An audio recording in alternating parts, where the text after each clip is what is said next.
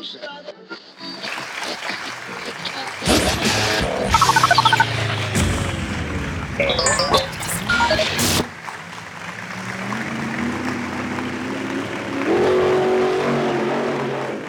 Ja, då hälsar vi lyssnarna välkomna till poddverkstans podd om podd avsnitt 5 med Jerker Pettersson och mig. Stefan Jage heter du. Och idag så i detta avsnitt nummer 5 ska vi prata om berättarformat. Låter det lagom flummigt? Ja, det är ju lite lagom flummigt. Vi, vi ska närma oss det från två håll tror jag. Dels en teknisk sida och sen ja, innehållsmässigt naturligtvis. Mm. Då har vi ju först det här med vad, vad, story och storytelling är för någonting. Vad är det för dig, Jerker? Ja, en story är ju någon, en berättelse, om vi då översätter det rakt till svenska, som då eh, antingen så är den ju påhittad. Det kan vara en fiktiv historia, en berättelse, eller det kan vara en verklig händelse om någonting som har hänt. Eh, det är den första indelningen tycker jag. Vad är det för dig? Ja, nej, sen kan vi ha den här glidande skalan mellan vad som är sant och vad som är kanske inte riktigt lika sant eh, när man skriver företagsstories och berättelser om företags fantastiska resor så brukar ju Vissa detaljer eh, lyftas fram och andra detaljer brukar glömmas bort. Man kan berätta hela sanningen eller delar av sanning, eller som det ofta kan vara i eh, dramasammanhang i alla fall, based on a true story. Och, och det är väl så att, det kommer jag ihåg när jag gjorde lumpen uppe i Norrland, att man får bättra på en historia om det får folk att skratta. Eh, stämmer det? Jag tycker att man kan göra det under förutsättning att man berättar att det här är based on a true story. Alltså, det kanske inte är hela sanningen. Så det blir det förment objektiv om jag ska använda svåra ord? Förment objektiv. Ja, och finns, då kan vi närma oss ganska lätt den här diskussionen som man kan ha ganska länge om finns objektivitet eller inte, eller är allt sub? Vi ska inte gå in i det postmoderna träsket. Ah, jag tror vi håller oss borta därifrån, så vi, vi går tillbaka till story. Vad, ja. vad, är, vad är en bra story för dig, Stefan? En bra story, det är någonting som berättar någonting på ett engagerande sätt, skulle jag säga. Det kan vara en eh, ja, saga, läste man ju för barnen när de var små. Och sagor fick jag berättat för mig när jag var liten. Det finns väl en lång tradition av att eh, berättandet har en betydelse för eh, vår kultur. Ja, och det har det ju för företag, organisationer, Ismer har ju ofta en berättelse också, som mm. ju är eh, delar av kulturen. Så story är centralt och vi har alltid haft stories ju. Mm. Ja, det räcker ju med att titta på de här gamla sägnerna som Snorre Sturlason skrev ner, nedtecknade, som kanske då i dags dato inte har så himla mycket med faktiska händelser att göra, men som ändå har varit det berättande som har styrt vår uppfattning om vändeltiden. Eller vikingatiden som man kallar det för. En bra story, en bra story. Ja, och kolla aldrig en bra story. kolla aldrig en bra story. Du kan bli besviken, riskera att bli besviken, men ja. låt den vara bra helt enkelt. Men alltså, hur, hur gör vi nu då? Hur gör vi en bra story? Det handlar ju om att utgå ifrån vad lyssnarna är intresserade av att få reda på, vad lyssnarna kan ta till sig av. Det finns ju en massa stories om varumärken där man ser att berättelsen om varumärket eller produkten eller vad det nu är för någonting, att den tillför ett värde hos eh, inte bara lyssnaren utan framförallt konsumenten av en vara eller en tjänst. Mm, det kan ju faktiskt kännas bra när du eh, då äter, ska vi ta eh, något bröd av något slag och veta att det här var receptet uppfanns och kom från och så vidare och hade mm. en bakgrund, en story. Ja, du har Västerbottensost som är ju berömd för att storyn kring den och hur den kom till och dess långa tradition, hur det skapar ett mervärde hos produkten som i och för sig är fantastiskt god i matlagning. Och äppelmust från Kivik, det är Kivik-storyn va? Ja, viner och terroir och ja, du har alltihopa där enbenta blinda nunnor har handskalat varenda druva för att kunna göra den här balsamvinägern som du ska köpa för 390 kronor för 4 eh, milliliter. Åh, vilken underbar historia! Ah, den är fantastisk. Man blir ju sugen. Ja. Vad finns det för några regler för storytelling? Du har läst en bok av Jim Lur. Heter han Lur? Ja, jag tror han uttalar så i alla fall, som heter The Power of Story. Och den är, eh, kan jag säga, det är en sån här amerikansk tegelsten, ganska tung. Men om man liksom försöker ta ut på ett enkelt sätt lite grann essensen så säger han att det finns tre regler för storytelling för att det ska liksom bli bra. Och det första han tar fram det är att det klargör vad det är för purpose, alltså vad har storyn för syfte? Varför berättar jag den här storyn? Jag menar, är det för att stärka ett varumärke? Eller är det för att stärka en produkt? Eller vilja påverka något eller någon? Mm. Det är nummer ett. Det är först ett syfte helt enkelt. Först ett syfte. Det är så. Varför? Och veta varför.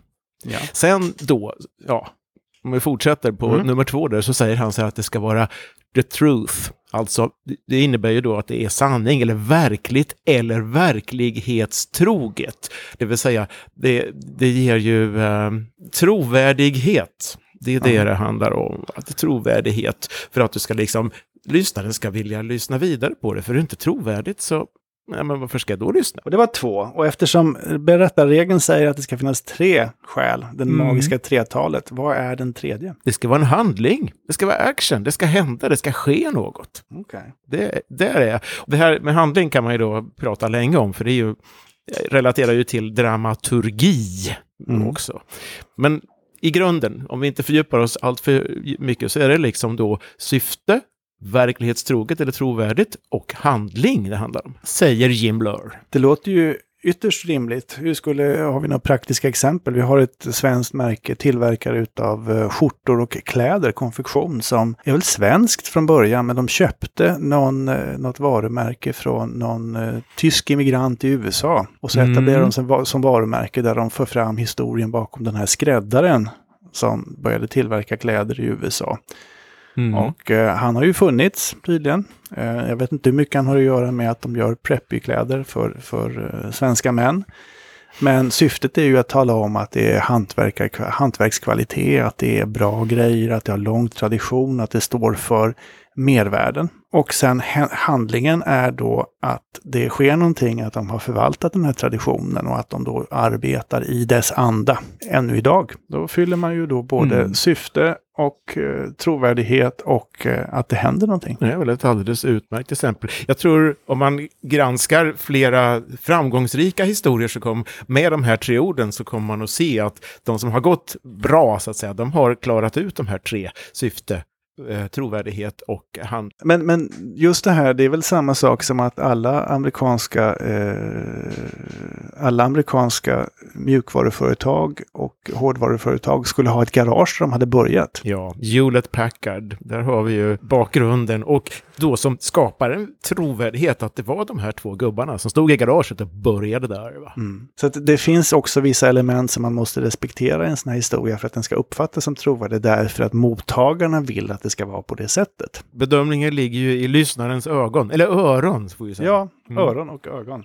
Även öron om man måste, ögon. Även om man måste va, ha möjlighet att skapa bilder därför att vi har ju en fäbless för att tro på bilder att de inte är manipulerade utan att de är äkta. Och en bra story som är då beskrivande, eh, den skapar ju en bild in i hjärnan utan att jag behöver visa en bild, alltså stillbild eller rörlig bild, mm. video. Mm. Det, är väl, det är väl därför som, som dokumentärformatet också är så slagkraftigt, även om jag har sett många balla mockumentärer som de heter, falska dokumentärer, som att fotbolls-VM aldrig spelades i Sverige till exempel. ja. det här leder ju in oss lite grann på, jag på att säga det tekniska, men om vi ser så här, vi har ju våra sinnen och det vi jobbar med främst är ju ljud och ögon och öron ska vi säga, ljud och syn. Mm. Och eh, just nu så är det ljud som du och jag producerar. Vi, har, vi, ing, vi, vi, kan möjligtvis eh, skapa en bild i lyssnarnas huvuden, då, men vi, vi projicerar ju ingen bild. Man kan ju också jobba med både bild och ljud, alltså det vill säga stillbild eller rörlig bild och ljud. Så vi har ju kombinatorik här rent tekniskt mm. att använda. Och för de som lägger upp sina eh, podcasts på YouTube till exempel och för att länka in dem i Facebook så kan det ju finnas en fördel med att använda bildillustrationer. Men det, det är en annan, en annan del av berättandet. Men det kan också vara väldigt slagkraftigt. Det kan vara mycket slagkraftigt och det här är liksom att hitta den bra mix för, återigen då, för syftet. Va? Men om, om vi rullar på, du är ju mm. en stor vän av retorikmodellen som är också en bra vägledning till hur man presenterar en sån här story. Skulle du kunna snabbt dra igenom den? Den är ju inte tre delar utan den kommer väl vara vad är det, fem eller sex? Ja, i fem delar brukar jag tänka på. Den retorik är ett stort ämne, så det, det är en egen podcastserie skulle jag säga. Ja, Men okay. eh, som jag brukar tänka är så här, när du ska berätta en story, vad det än är, eh, göra ett program, ett reportage, så kan du ha fem delar. Och den första delen kallas på då enligt ret- retoriska modellen för exordium, det vill säga du... Det är latin, Ja, det är latin och det är vackert. Eh, Egentligen så handlar det om att få lyssnaren känna sig välkommen och bli välvilligt inställd till programmet, podcasten, storyn. Det är, Okej, så det är att hälsa välkommen och presentera. Ja, och så att man känner att ja, men det här är intressant, det här vill jag fortsätta va, och lyssna på. Exordium. Exordium, va? det är så. Och det Ja, får man inte glömma bort. Mm. Sen då, så Nästa växlar man snabbt över till narratio, och där är själva sakframställan, brukar man säga. Där är, så att säga, berättelsen och den dramaturgi som kan ligga i berättelsen. Här, här, det är det stora sjoket, det är berättandet i sig, så att säga. Mhm. Sen kan ju då ett berättande innehålla någon form av förslag. Särskilt om man då vill eh, påverka någonting och komma med någon ny idé. Kan ju tänkas. Och då kommer man in i eh, själva probatio kallas det. Probatio, Okej, alltså probatio, förslags Så vi har gått igenom Exordium, som Narra- var inledning, välkomnen. mm, Narratio som är berättandet. mm. Och nu har vi kommit till probatio. Probatio, det, kom, det eventuellt kommer med något nytt förslag. Det behöver ju inte alltid vara så, men det kan Nej. vara så. Eh, som jag för fram, det kan ju tänka sig politiska partier eller intresseorganisationer har någon idé och vill berätta om den. Och då kan man också efter probatio ta det fjärde steget som heter refutatio. Och det är då precis tvärtom, att man redan i berättelsen, i den här storyn nu, går igenom tänkta motargument och tar liksom udden av dem redan från början. Alltså, Aha, så man fimpar invändningarna innan man är färdig. man fimpar invändningarna innan man är färdig. Det är en möjlighet, Okej. va? behöver man inte göra. Och den femte... Okej, det är som engelsmännen som säger att självironi är ett perfekt sätt att, att ta udden av kritik. Den är inte dum. Den är inte dum. Va? Nej. Mm. De klarar ut det med en gång innan man är klar. Liksom. Det femte och sista steget, som jag alltid är med, är perforation. Och det är alltså den, om man tar ur retoriken så är det talets manande avslutning. Det vill säga, och nu när vi alla vet det här så ska vi och så vidare och rapp, rapp, låt oss höras på återhörande, pang. Vi måste ha en, det är, vi kan kalla det slutkläm som är manande. Och då har vi alltså exordium, välkommen, inledning, får välvilligt inställd, narratio, berättelsen, eventuellt probatio för något förslag, eventuellt refutatio för motargument och alltid perforation för att eh, få slutklämmen och mana till nästa steg. Mycket enkelt, men eh, man kan hålla sig till det så missar man i alla fall inte några steg. Då. Ska man ha det här som checklista när man gör podcasterna eller man ska förbereda sitt tal? Jag tycker det. Jag brukar göra så när jag skriver ett manus. Ett, eh, första manus så har jag de här fem rubrikerna. Och då ser jag liksom vad ska in var. Det, Högst rimligt. en modell. Det finns säkert flera, men en modell. Vi kan glida över, vi ska, vi ska inte hålla på i evigheter och trötta ut våra lyssnare. Men, men vi kan väl ta upp det här också som vi var inne på. Skillnaden mellan normativt berättande och deskriptivt berättande. För det tycker jag är ganska intressant. Ja, om vi skulle ta normativt berättande så är det ju, man berättar om hur någonting borde vara. Alltså Mm. eh, påstående, en påverkanstanke. Du, och det kanske är att du liksom inte berättar hela sanningen utan bara delar av sanningen. Eller du, du vill styra åt något håll. Det uppfattar jag som normativt berättande. Eller vad säger du? Ja, absolut. Eller att du väljer ut och berättar det som stärker din värdering eller tes från början. Det är liksom motsatsen till det här klassiska publish and be damned, att beskriva verkligheten som den är, deskriptivt, utan man, man är selektiv och väljer ut det som ska stärka en tes. Det är väl ett form av normativt berättande. Det är ju verkligen normativt. Då. Du väljer det som bejakar den, det du vill helt enkelt. Jaha, Medan ett deskriptivt berättande är ju då ett berättande som, där egentligen att du är på samma nivå som lyssnaren, att du tar del utav det som händer och du kanske som eh, reporter blir överraskad också över det du ser. eh, Därför att det kanske inte stämmer med din föreställning om hur det ska vara. nej, kort och gott så du berättar hur det är, rakt upp och ner. Va? Utan Och sen filter. har vi ju då det här förment deskriptiva som kan vara normativt. Nu blir det här jättekrångligt, men det vill säga att du beskriver verkligheten som om det du ser är sanningen fast du har en tanke bakom det där du egentligen är normativ i ditt berättande men du framställer det som om det var sant. Det du ser. Det är ungefär ha, halva sanningen. Om du tar halva sanningen, Ja. då blir den ju då, så att säga, hälften blir deskriptivt och resten blir ju normativt. Eller kanske totalen Mm. blir normativ. Ja, Det, för det är ju den diskussionen som, som jag tycker har seglat upp nu som är positiv när man faktiskt börjar granska eh, det som uppfattas som dokumentärt dokumentära inslag där man har föreställningen att någonting är deskriptivt när det i själva verket är normativt. För ser du en dokumentärfilm så vill du att den ska åskådliggöra hur det verkligen ser ut. Det är det som är Mm. skillnaden mellan fiktion och dokumentär. Mm. Och det gäller då att ha eh, lätt kritiska ögon på sig, eller öron på sig, Ja. när man eh, tittar och, för att se vad är det egentligen då?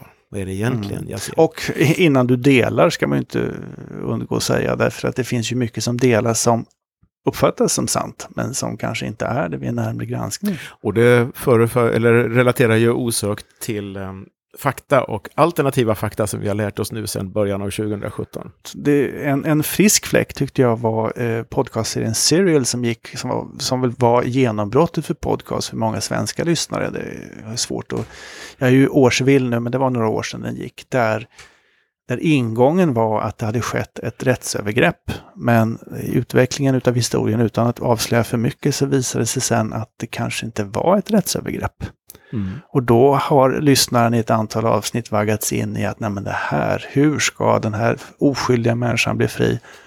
Och på slutet, men det här kanske inte stämmer. Den här personen kanske inte är oskyldig. Så där ser vi the power of story. Hur ska våra lyssnare använda den här, eh, vårt eh, info, informerade prat om det här? Hur ska de använda det i sin, i sin utveckling utav podcastformat och sitt berättande? Ja, jag, jag tycker man kan faktiskt gå på de här tre reglerna. Alltså klargöra syftet, säkra att det är verklighetstroget eller, eller, eller trovärdigt rättare sagt. Mm. Och att det finns, att du har en handling där. Och sen så, varför inte gå på den enkla retorikmodellen? Checka att du har ett exordium, att du har ett narratio, att du har en perforation åtminstone. Det är väl bra att börja där. Då, då blir man framgångsrik i sitt berättande. Ja, det är ju belagt med retorikens go- goda effekter. Va? Det, är, det är liksom använt sedan tusentals år tillbaka. Ja, ja, vi får väl se om våra lyssnare tycker att det här var överkurs, men det här är ju definitivt någonting man ska ha med sig både när man ska dramatisera ett berättande och när man ska fundera över hur ens berättande fungerar. Absolut, och det här är, skulle jag vilja säga, bra att kunna i livet generellt sett, oavsett om du ska podcasta eller ej, till och med. Ja, om du ska jobba med marknadsföring eller om du ska bli en bra historieberättare på krogen. Ja, och eh, liksom, ta makten över ditt liv. The, the, the story of your life, rent av. Ja, det ser, man kan Okej. komma långt vi, med story. Vi, är alla, vi, har, vi har gått ifrån människor och medborgare till varumärken. Och där har vi vår story. Oj, oj, oj. Nu blev det långt. det. Ja, det här nu blev det eh, långt. var väl ett, en- bra då, eh, avsnitt fem, va? Om story. Ett bra avsnitt fem och det är, eh, man får suga på den här karamellen och se vad det väcker för några tankar. Och du och jag kommer tillbaka inom inte allt för avlägsen framtid med ytterligare ett avsnitt utav poddverkstans podd om podd. Ja, och det blir då det sjätte. Så alltså, tills dess då, som perforation nu, gå hem nu, prova. Purpose, truth, action. Och sen exordium, narratio, perforation. Prova, du ska se. Du kan bli förvånad hur bra det blir. Och underbart. Och den som säger hej då nu det är Jerker Pettersson. och Stefan Jage i poddverkstans podd om podd. Ja, på återhörande. A bientôt! Au revoir!